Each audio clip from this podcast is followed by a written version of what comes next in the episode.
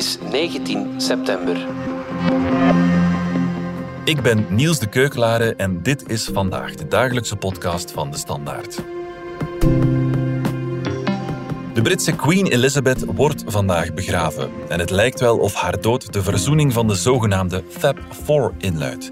Niet de Beatles uiteraard, maar wel Prins William en Harry en hun vrouwen Kate Middleton en Meghan Markle. Want daar zit al jaren een stevig haar in de boter. Worden de familiebanden echt hersteld of is het vooral schone schijn?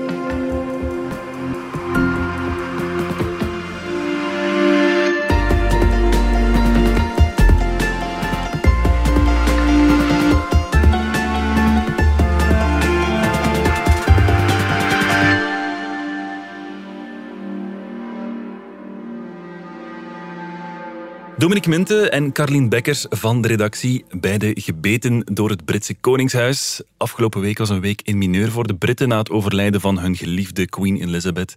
Voor de koninklijke familie lijkt er amper tijd voor verdriet, want meteen na het overlijden kwamen heel wat ceremoniële zaken in gang. Maar het brengt de familie ook wel terug samen, zo lijkt het. Waaronder ook de zogenaamde Fab Four.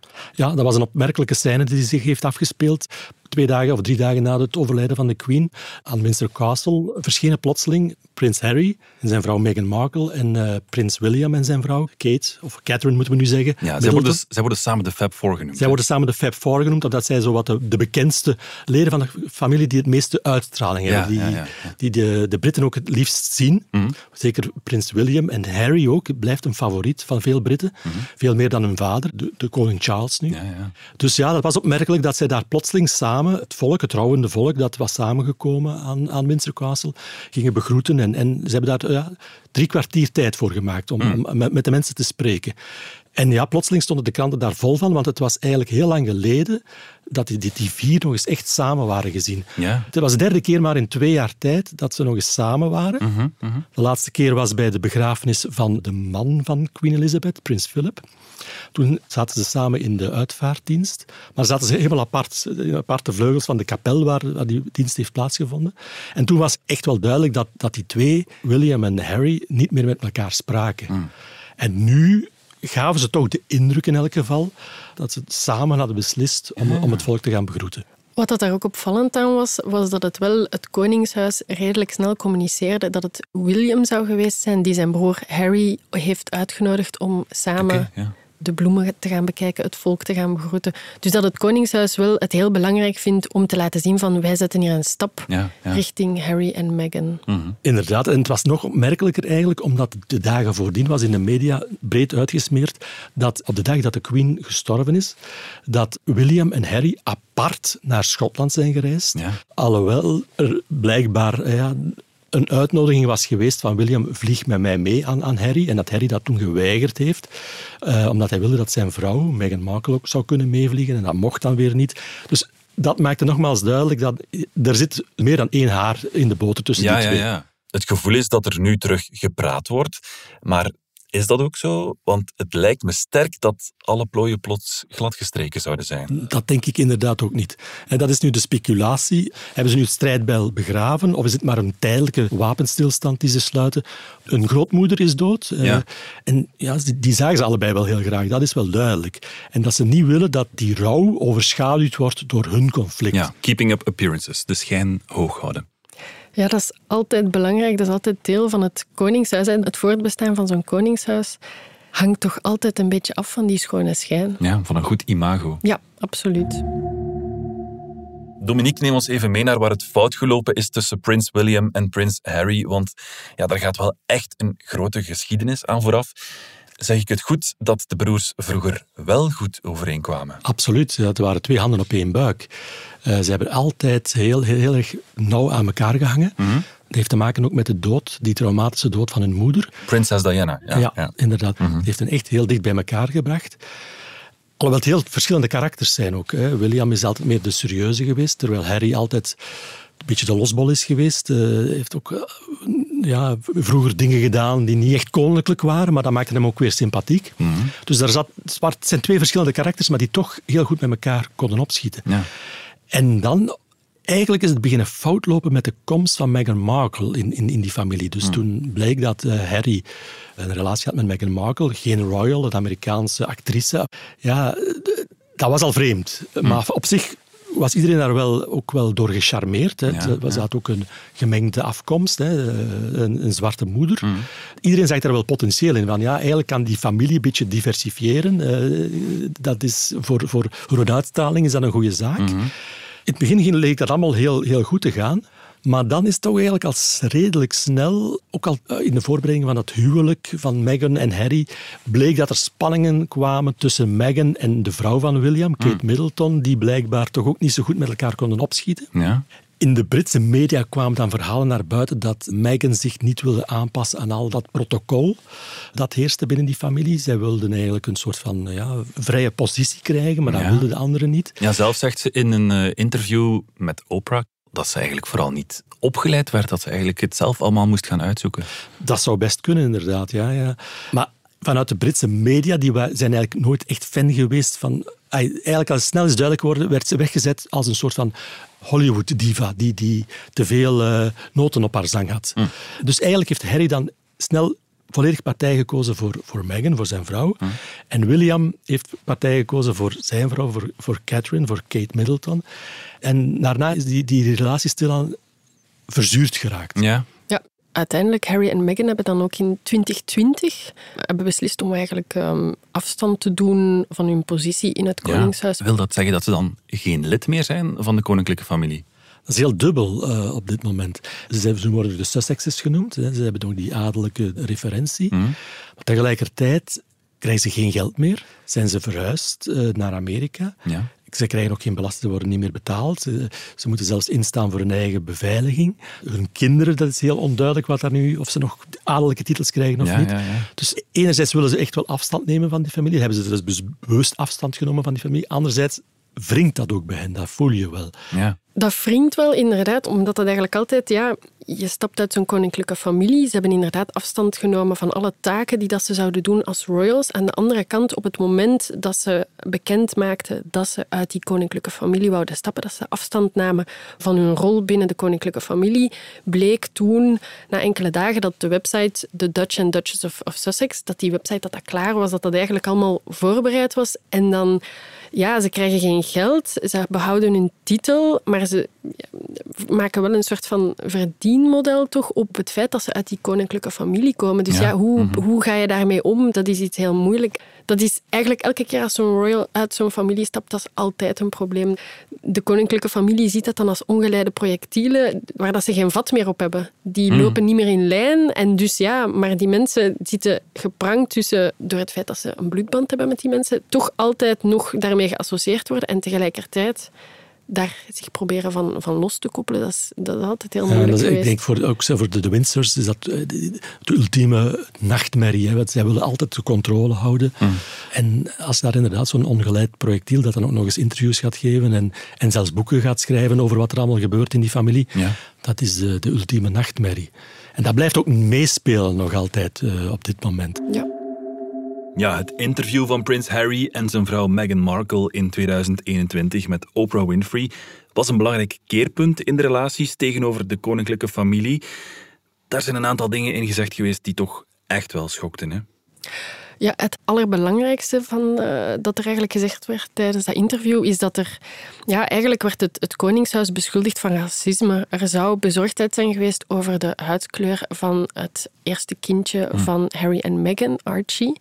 Over dat die donker van huidskleur zou zijn. Zo klinkt het in het interview met Oprah. So we had in tandem the conversation of he won't be given security, he's not going to be given a title. And also concerns and conversations about how dark his skin might be when he's born. What? Er werd dan verder wel niet gezegd wie dat, dat zou gezegd hebben. Dus dat maakte ook dat, ja, dat dat heel erg open bleef voor speculatie wie wat nu precies had gezegd. That conversation I'm never going to share. But at the time, at the time it was awkward. I was a bit shocked. I just didn't want to be alive anymore. And that was a very clear and real and frightening constant thought. En het tweede, wat ik heel opvallend vond aan dat interview, is dat het, er werd een beeld geschept over de koninklijke familie, waar zij naar verwijzen als de firm. Hmm. En hoe ja, hoe hard dat, dat eigenlijk is om de schone schijn op te houden. It was only once we were married and everything started to really worsen that I came to understand that not only was I not being protected, but that they were willing to lie to protect other members of the family. Ja, ze werden niet beschermd door de koninklijke familie. Die gaat zelfs verder en liegt om andere mensen van het koningshuis te beschermen, zegt Meghan. I think he saved all of us. Hmm. Right? Oh. He ultimately called it and was like, we've got to find a way for us, for Archie. And you made a decision that saved, well, certainly saved my life. What I was seeing was history repeating itself, but more perhaps, or definitely far more dangerous because then you add race in and you add social media in. And when I'm talking about history repeating itself, I'm talking about my mother. I think she would feel very angry with how this has panned out mm-hmm. and very sad. But ultimately, all she'd ever want is for us to be happy. Harry heeft ons allemaal gered, zegt ze, door een beslissing te nemen om de band met de familie te verbreken. En Harry zag de geschiedenis zich herhalen, verwijzend naar zijn moeder, maar deze keer met social media en racisme in het plaatje. Zijn moeder, prinses Diana, zou erg kwaad en verdrietig zijn met hoe alles gelopen is, zegt hij. Maar het enige wat ze altijd al wou, is dat Harry en William gelukkig zijn. Ja, het is geen warme, lieve, fijne gezinssituatie mhm. als, je, als je hun hoort in dat, uh, in dat interview. Ja, dus, uh, heel die familie is eigenlijk redelijk dysfunctioneel. Mhm. Want ook Queen Elizabeth, die wordt nu stilaan heilig verklaard. Hè. Iedereen vindt haar fantastisch, een hele lieve oma. Dat is ze misschien ook wel. Maar eigenlijk was ze tegelijkertijd ook, denk ik, een redelijk koude moeder. Dus ze heeft altijd dat koningschap belangrijker gevonden dan het moederschap. Ja, ja, ja. Ik denk dat haar sterkste en haar zwakste kant tegelijkertijd is. Je hebt ten eerste ook beelden waar dat ze terugkomt van zo'n koninklijke tour. Hè, want de royals die gaan heel veel overzeese gebieden bezoeken. En ze komt dan terug zwart-wit beelden. Ze komt, stapt uit het vliegtuig en Charles, op dat moment een, een klein jongetje van, van een jaar of vijf, staat zijn mama daar op te wachten en, en hij vliegt daar niet in de armen, maar zij pakt hem ook niet vast. Ze geeft hem zo heel afstandelijk een, een, een kus en, en hmm. daarmee is de kous af. Hmm. Terwijl hij op dat moment zijn moeder wel een hele lange tijd niet heeft gezien. Dus dat, dat was nooit die heel erg ja, warme relatie. En, en um, ja, ik denk dat dat wel dat moeilijk is. Ja, dat is, ja, dat is, ja, dat is allemaal van die frustraties die, die, die heel lang hebben aangesleept. En ja, mm -hmm. bepaalde momenten komt dat, dat tot, tot, een uitbarsting. En, en Meghan Markle is een beetje de katalysator geweest die dat eigenlijk heeft blootgelegd. Ja. En dat is daar niet in dank afgenomen. En zij en Harry hebben daar de conclusies uit getrokken en hebben ze dus afstand genomen van die familie. En dat blijft nog altijd spelen. Ja, ja, is iets wat nu opnieuw naar voren komt. Ja, de internationale en zeker de Britse pers, die smult echt wel van die ruzies natuurlijk. William and Kate together with Harry and Meghan at Windsor Castle. It was an act of unity that many people hope is a sign of healing for the family. Queen Elizabeth II making her final journey home, and then there's the reunion that we never thought we'd see. No. It's been reported that while Harry and William were both at Balmoral, they ate dinner separately, didn't interact, and Harry left for Windsor early the next morning. So, what brought them together on Saturday? Two brothers trying to bury a painful hatchet. By order of their father, the king.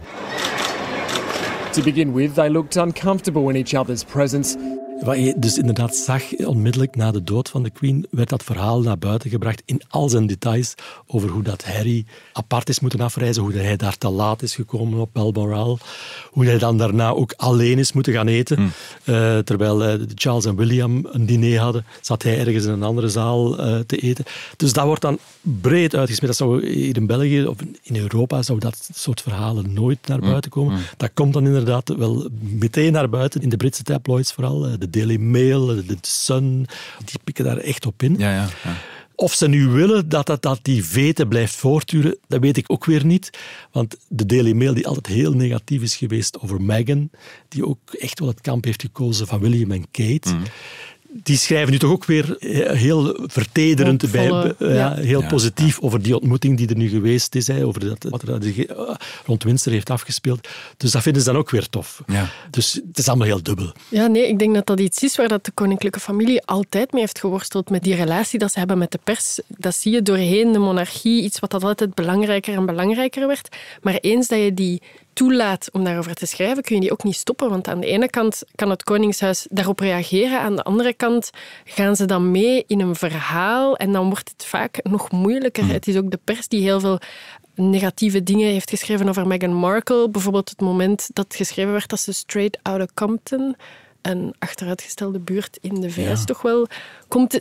Dat had wel een, een heel racistische ondertoon. Dus mm. ja, wil je daarin meegaan of niet? Het Koningshuis heeft in het verleden eigenlijk altijd geprobeerd om dat soort van dingen zo ver mogelijk te houden en dingen binnen kamers te houden. Absoluut, absoluut. De, ook de sterkte van de Queen is altijd geweest. Ze heeft altijd gezwegen. Mm. Ze heeft nooit interviews gegeven, maar ze is ook nooit ingegaan op, op ja, wat er in de pers verscheen. Enerzijds kan je zeggen dat is een soort van zwakte, maar anderzijds is het ook haar sterkte geworden. Dus uh, ze is een soort van enigma gebleven. En zij wilde daar ook niet op reageren. Want als je daarop inspeelt, dan is het einde dikwijls zoek. Mm, mm. Ik denk dat dat zowel Charles als Harry als William heel erg doet denken aan het vorige moment in de monarchie dat hij in zo'n crisis zat is met de Diana.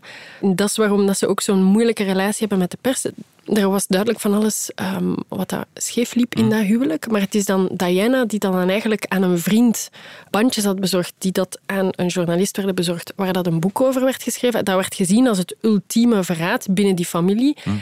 En aan de ene kant heeft ze daarna dat interview met de BBC gedaan.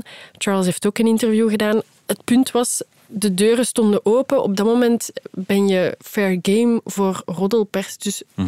ik denk binnen die familie, die relatie met pers en, en wat zeg je wel, wat, wat zeg je niet, wat laat je zien en, en wat, niet, dat is een heel moeilijke... afweging. Ja, dat is een heel moeilijke, moeilijke afweging. En hm. ik denk dat zowel de twee zonen als Charles hebben, ja, hoe dat er het is slecht afgelopen met Diana en hoe dat ze zelfs haar dood heeft gevonden, dat is wel een enorm trauma. Ja, geen enkele familie hangt de vuile was graag buiten. En zeker de koninklijke familie niet. Er is altijd gespeculeerd geweest over de koninklijke familie, zeker de Windsors. Maar tot een bepaald niveau, de momenten dat een lid van de koninklijke familie naar buiten komt met iets, dat wordt vaak binnen die familie, heb ik het gevoel, dat is verraad. We gaan er even uit voor reclame. Wil jij je passie omzetten in Lego-stenen? En wil je iets verwezenlijken? Met je eigen handen? Het plan uitvoeren, blad na blad, stap voor stap. Super gefocust. Je bent in het moment. En je ziet het voor je ogen groeien. Lego bouwplezier. Dat is toch het schoonste wat er is? Wil jij ook je passie omzetten in Lego plezier? Zoek dan snel op Lego sets voor volwassenen. Terug naar het Britse Koningshuis. Dominique, wat vinden de Britten die best wel koningsgezind zijn, eigenlijk zelf van heel deze ontwrichte situatie?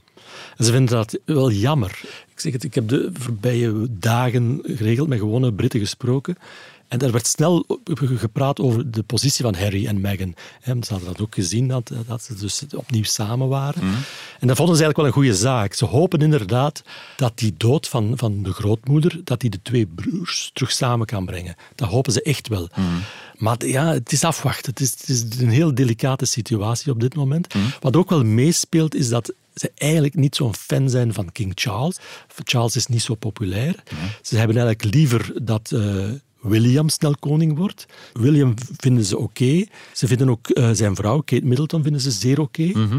Dus daar hebben ze wel uh, vertrouwen in, in die twee figuren. Maar ze hebben er ook graag Harry bij. Dus ze, ze, hebben wel graag dat die twee broers terug dichter bij elkaar komen. Ja, verzwakt al dat gekibbel de positie van het Britse Koningshuis, denk je? Wel, ja, het is nu niet het gekibbel op dit moment. Is, op dit moment is dan het verhaal van... Er is precies een verzoening mogelijk. Dus dat versterkt dat is een goede zaak, denk ik. Uh, wat belangrijk wordt, is om te zien of die eerste tekenen van verzoening, of die echt oprecht zijn. Ja. Dat zal belangrijk worden, denk ik, voor de toekomst van het Koningshuis. Maar ook wat Charles zelf gaat doen, en dat is eigenlijk misschien nog belangrijker, hoe dat hij die rol gaat invullen. Mm -hmm. dus sommigen vrezen dat hij iets te veel zich gaat moeien met de politiek, wat hij vroeger in het verleden wel gedaan heeft. Hij heeft mhm. wel gezegd van, zo stom zal ik niet zijn om dat te doen. Maar ja, het is afwachten. En dan ja, die verzoening Harry-William. Eh, het is ook maar te zien hoe ernstig dat is. Hè. Veel zal afhangen van wat er de komende maanden gaat gebeuren. Harry is bezig met een boek, een soort van memoires, mm. waarin hij nou eens, uh, de puntjes op de i wil zetten van wat er allemaal mee heeft meegespeeld in de voorbije twee jaar, waarom hij vertrokken is. William wil dat absoluut niet. Hij wil eigenlijk weten hoeveel vuile was er zal buiten gehangen worden. Maar dat boek, of dat er nu komt of niet, dat is ook nog onduidelijk. En dan is er nog een Netflix-serie die, die er ook zit aan te komen, waarin dat ook nog eens eh, breed uitgemeten wordt. Eigenlijk denk ik dat dat boek en die, die reeks er eigenlijk niet zouden mogen komen om Harry en William dichter bij elkaar te brengen. Als, okay, dat, als hij daarmee doorzet, Harry, dan denk ik dat het moeilijk wordt. En zeker als hij dan nog eens echt weer opnieuw begint te schoppen richting familie, dan wordt het moeilijk om die verzoening ja, ja, ja, uh, te laten duren. Uh, Wat zou er wel moeten gebeuren om die brokken echt te lijmen? Moeilijke vraag, hè?